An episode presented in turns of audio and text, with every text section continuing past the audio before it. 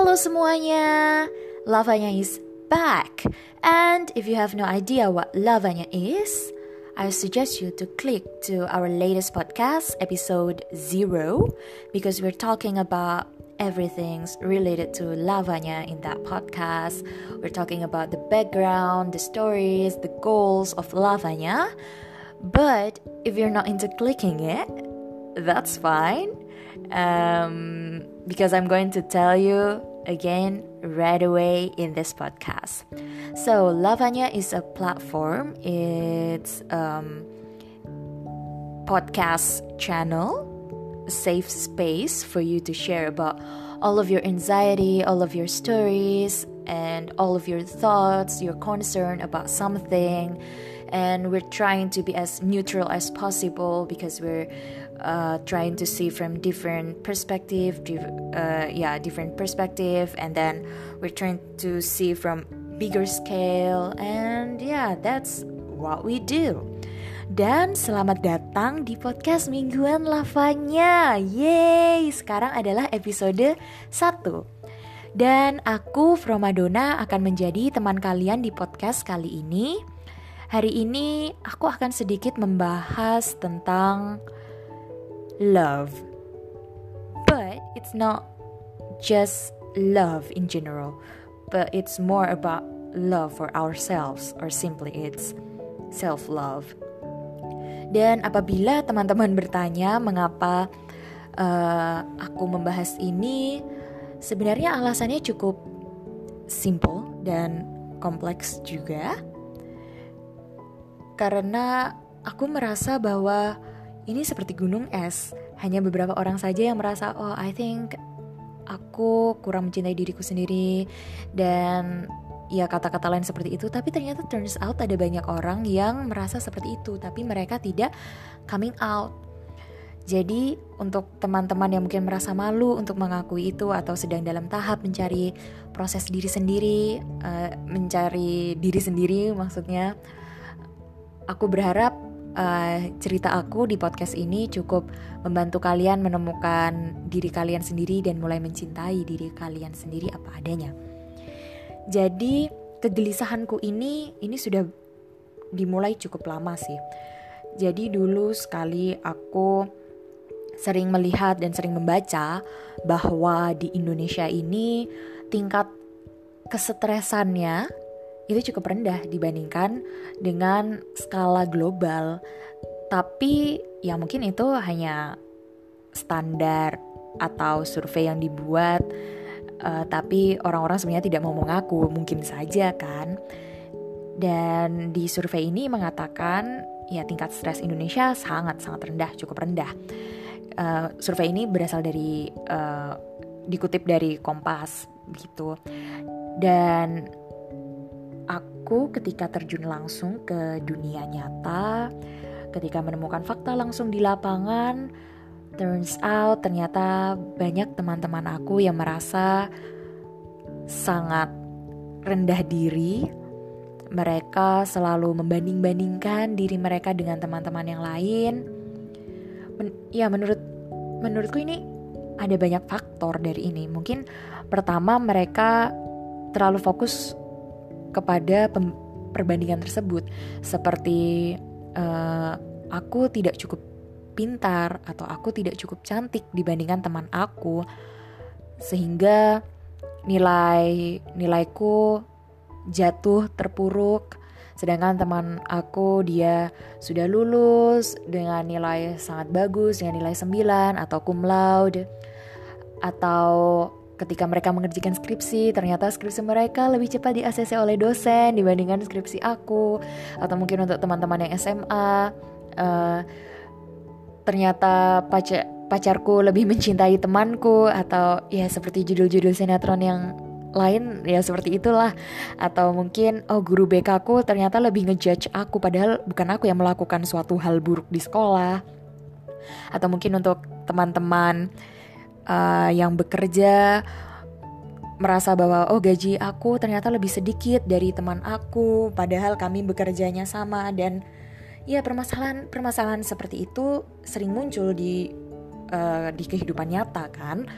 Dan hal itu ternyata membuat kita uh, menjadi lebih stres dalam artian oh berarti aku tidak melakukan sesuatu hal aku tidak melakukan suatu hal dengan baik atau aku tidak melakukan ini sesuai SOP atau tidak melakukan ini sesuai standar. Jadi aku mendapatkan nilai atau um, gaji yang lebih rendah dari yang teman-temanku dapatkan.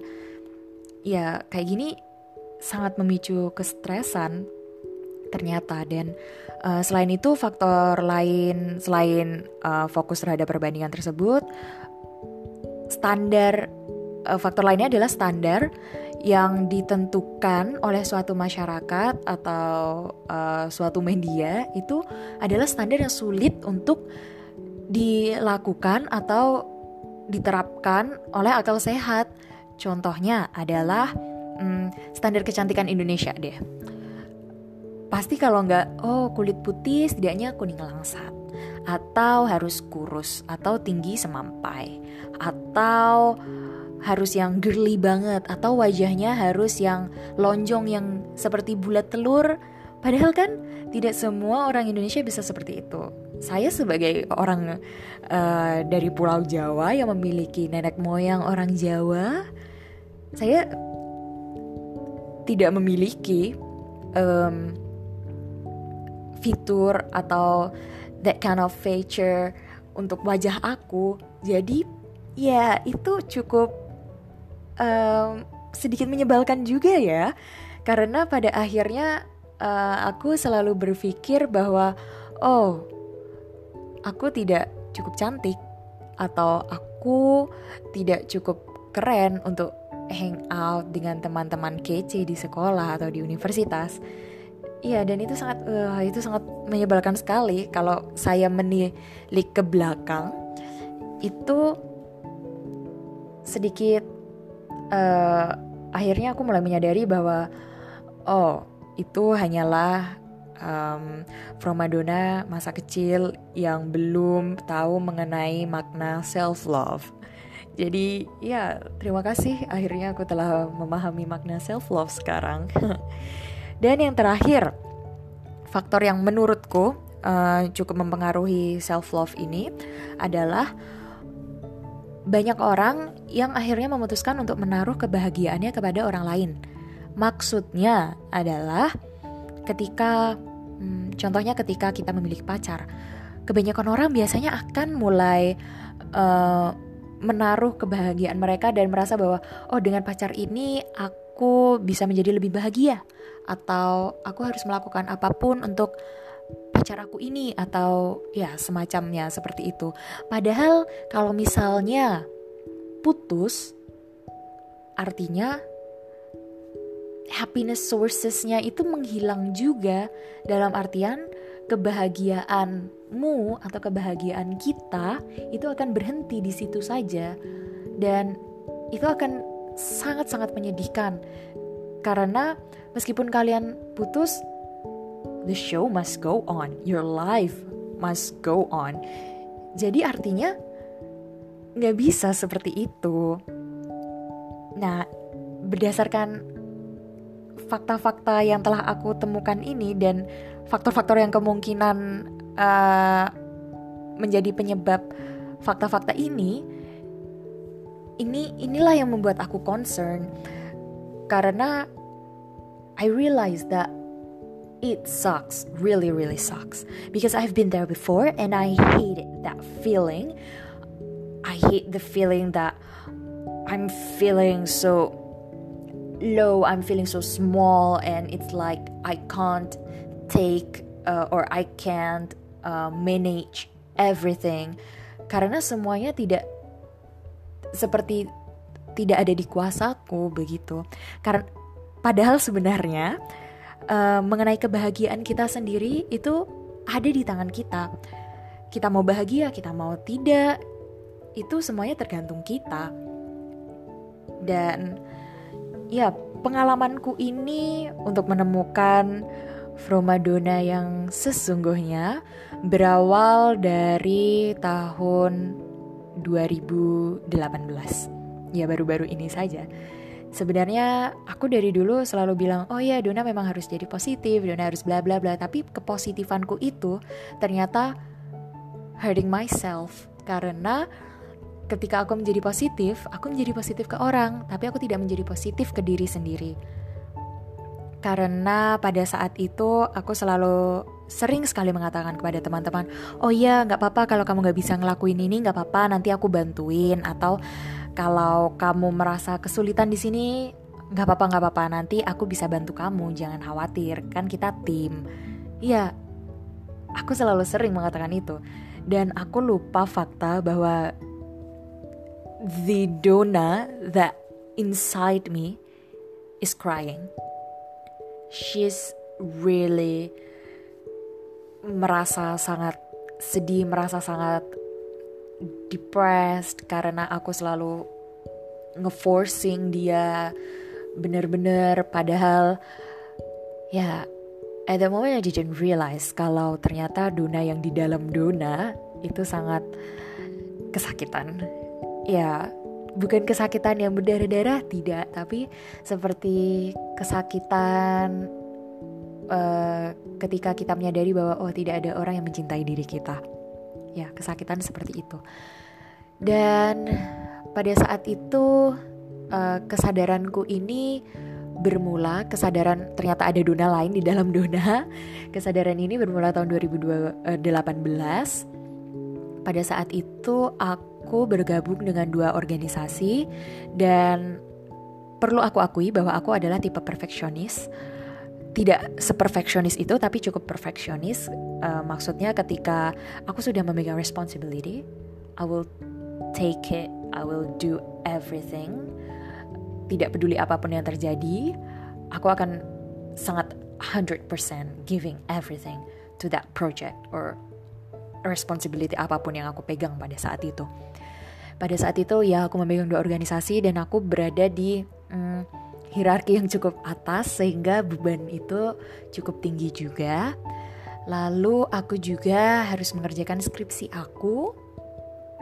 Uh, intinya pada saat itu aku merasa bahwa aku harus melakukan yang terbaik karena kebetulan saat itu aku juga um, harus lulus karena itu sudah hampir telat satu semester dan aku tidak mau memperpanjang lagi. Ya telat satu semester ini karena waktu itu aku sempat exchange juga. Jadi sebenarnya kalaupun aku telat orang-orang juga tidak akan mempermasalahkan juga karena ya aku punya alasan untuk telat karena exchange itu. Tapi ya the perfectionist me trying to push myself to do everything perfectly. Jadi mau tidak mau aku harus lulus, lulus tepat waktu. Itu pikirku pada saat itu dan akhirnya pada suatu saat ketika I do I did everything alone dan aku merasa tidak ada orang yang membantu dan pada saat itu sebenarnya aku udah bilang oh ya kalau nggak bisa bilang ke Dona aja. Kalau nggak bisa bilang ke Dona.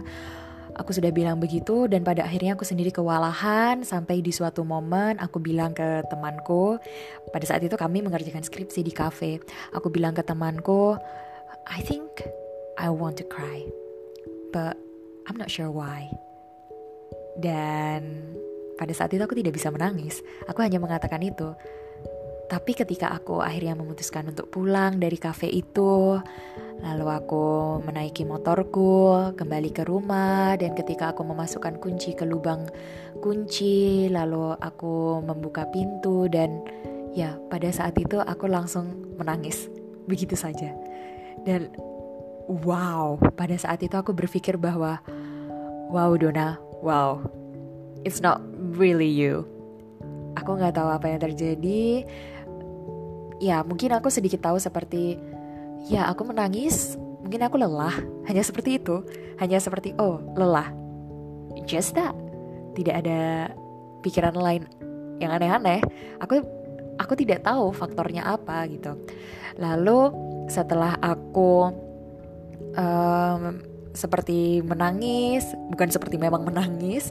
Setelah aku menangis untuk beberapa waktu, aku akhirnya uh, itu adalah momen sedikit lucu juga karena meskipun aku menangis setelah sampai rumah, aku tetap membuka laptopku. aku tetap membuka laptopku dan aku tetap mengerjakan skripsiku dengan air mata yang sambil iya begitu yang ya mengerjakan skripsi pa, pa, pa, pa, pa, pa, pa. lalu aku juga sambil menangis jadi ya itu sangat eh uh, sangat ya, sedikit kasihan juga sih kalau aku melihat diriku pada saat itu ya karena pikirku pada pada di momen itu adalah bagaimanapun skripsi juga harus kelar, tidak peduli kamu semenangis apa pun, begitu.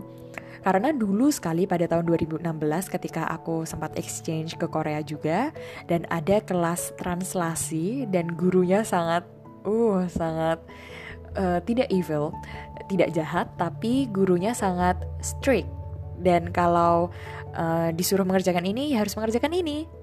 Begitu.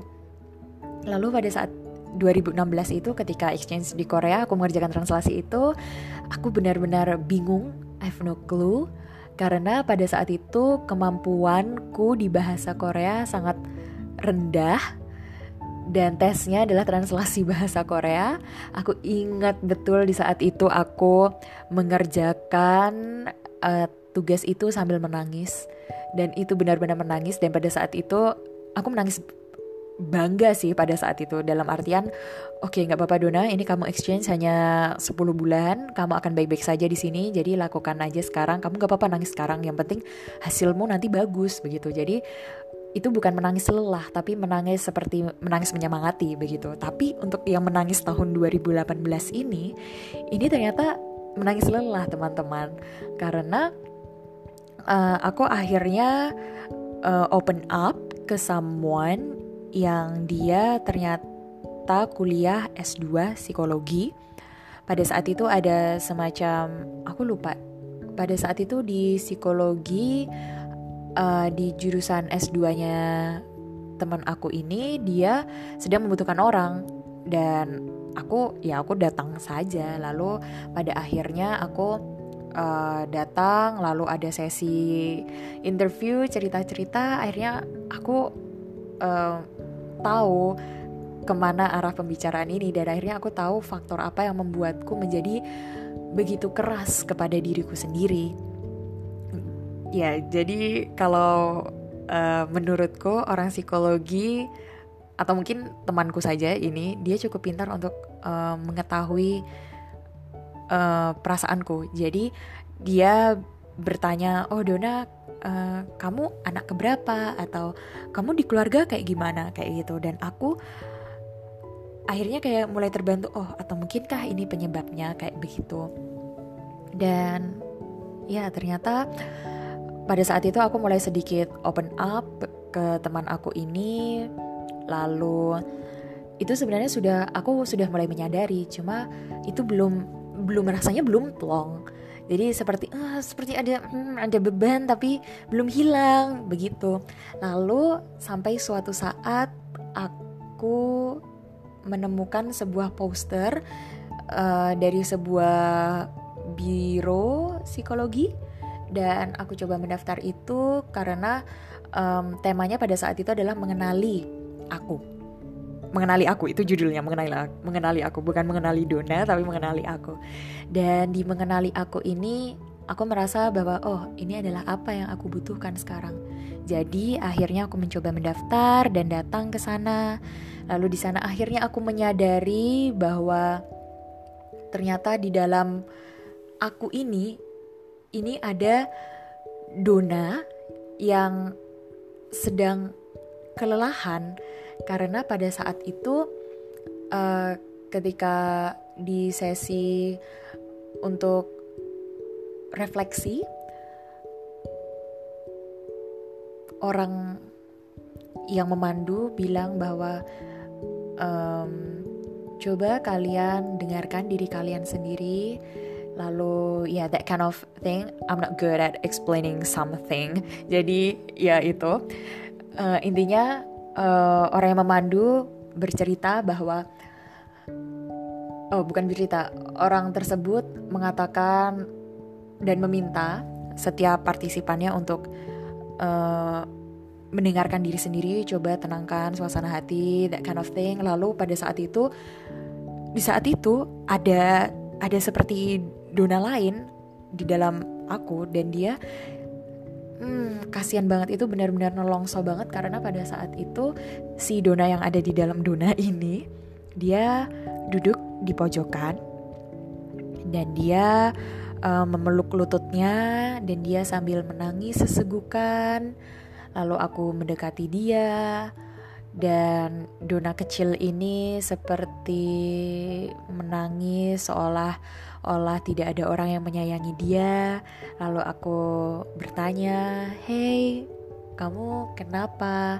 Lalu dia menjawab, "Oh, aku aku sangat lelah. Aku seperti merasa tidak ada orang yang uh, membantuku hidup di saat ini, atau tidak ada orang yang mengerti aku. Aku selalu berusaha untuk membantu orang, tapi di saat ini, ketika aku uh, mengurus organisasi, dua organisasi besar sebagai orang yang memang memegang jabatan penting di situ, atau ketika aku skripsi, hanya sedikit orang yang menyemangati aku. Padahal aku selalu berusaha untuk selalu ada di um, selalu ada di sekitar mereka dan membantu mereka. Dan pada saat itu akhirnya aku sadar bahwa oh dunia yang sekarang ini cukup uh, kasihan karena aku selalu force dia untuk selalu kuat. Aku, ya tidak menyemangati tapi memang force, forcing, really forcing. Ketika aku butuh tidur, aku bahkan akan tetap terus-terusan seperti ya kamu harus bisa, kamu harus bisa karena di luar sana banyak orang lain yang tidak tidur. Mereka bahkan tidur hanya 4 jam, 5 jam dalam sehari. Dan oleh karena itu aku terus-terusan untuk forcing myself dan uh, turns out ternyata diriku kelelahan pada saat itu akhirnya itu aku beneran nangis kejer-kejernya karena ya saat itu aku akhirnya merasa bahwa uh, permasalahannya ini bukan me being perfectionist tapi me being uh, being a bitch for myself. Dan ya aku mau nangis lalu aku mendapatkan uh, support dari teman-teman yang juga datang ke sana. Dan ternyata yang mengalami itu tidak cuma aku aja tapi teman-temanku yang lain. Ada juga yang mereka yang diforcing oleh uh, diforce oleh teman-temannya atau keluarganya untuk uh, semacam oh kamu harus melakukan ini karena kalau kamu tidak melakukan ini kamu gagal kamu gagal atau kamu tidak akan bisa mendapatkan apa pun yang kamu inginkan di dunia ini. Padahal sebenarnya tidak seperti itu kan? Dan ya karena itulah um, aku mulai merasa oh permasalahan di dunia ini tidak hanya aku saja, setiap orang memiliki masalah tapi beda-beda. Dan tinggal kitanya saja bagaimana menyikapinya dan bagaimana kita menghandle permasalahan ini dan bagaimana kita embrace myself, embrace our problems untuk uh, lebih memudahkan kita untuk mengatasinya. Begitu.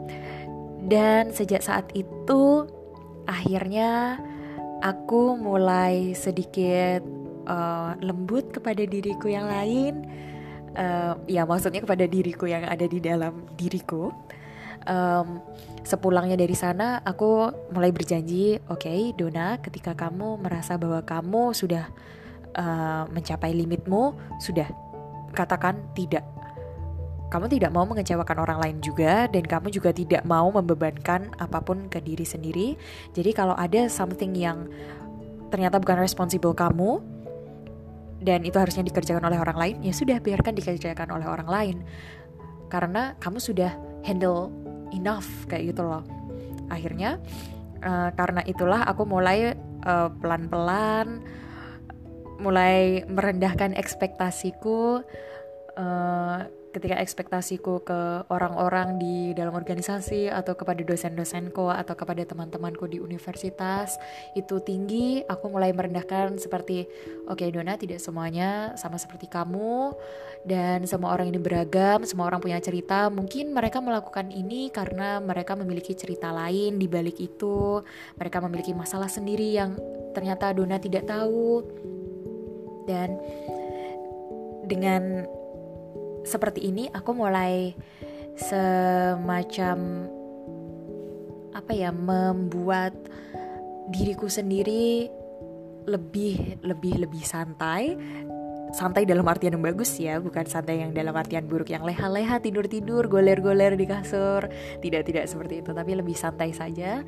Dan dengan cara ini aku ya aku cukup merasa terbantu dan aku merasa akhirnya oh oke okay, terima kasih telah ada di dalam diriku. Terima kasih telah menjadi api-api dalam kehidupan bertahun-tahun, menjadi kuat, menjadi insomnia, menjadi uh, burung hantu di malam hari. Ya, aku sampai saat ini masih uh, sering mengatakan terima kasih untuk diriku sendiri. Ya, to be honest, that's really hard untuk menjadi less perfectionist. Tapi it has to be uh, start from somewhere, right? Jadi ya itu itu memang takes time, tapi selama satu tahunan ini aku mulai merasa bahwa oke okay, Dona yang sekarang lebih baik dari Dona yang dulu.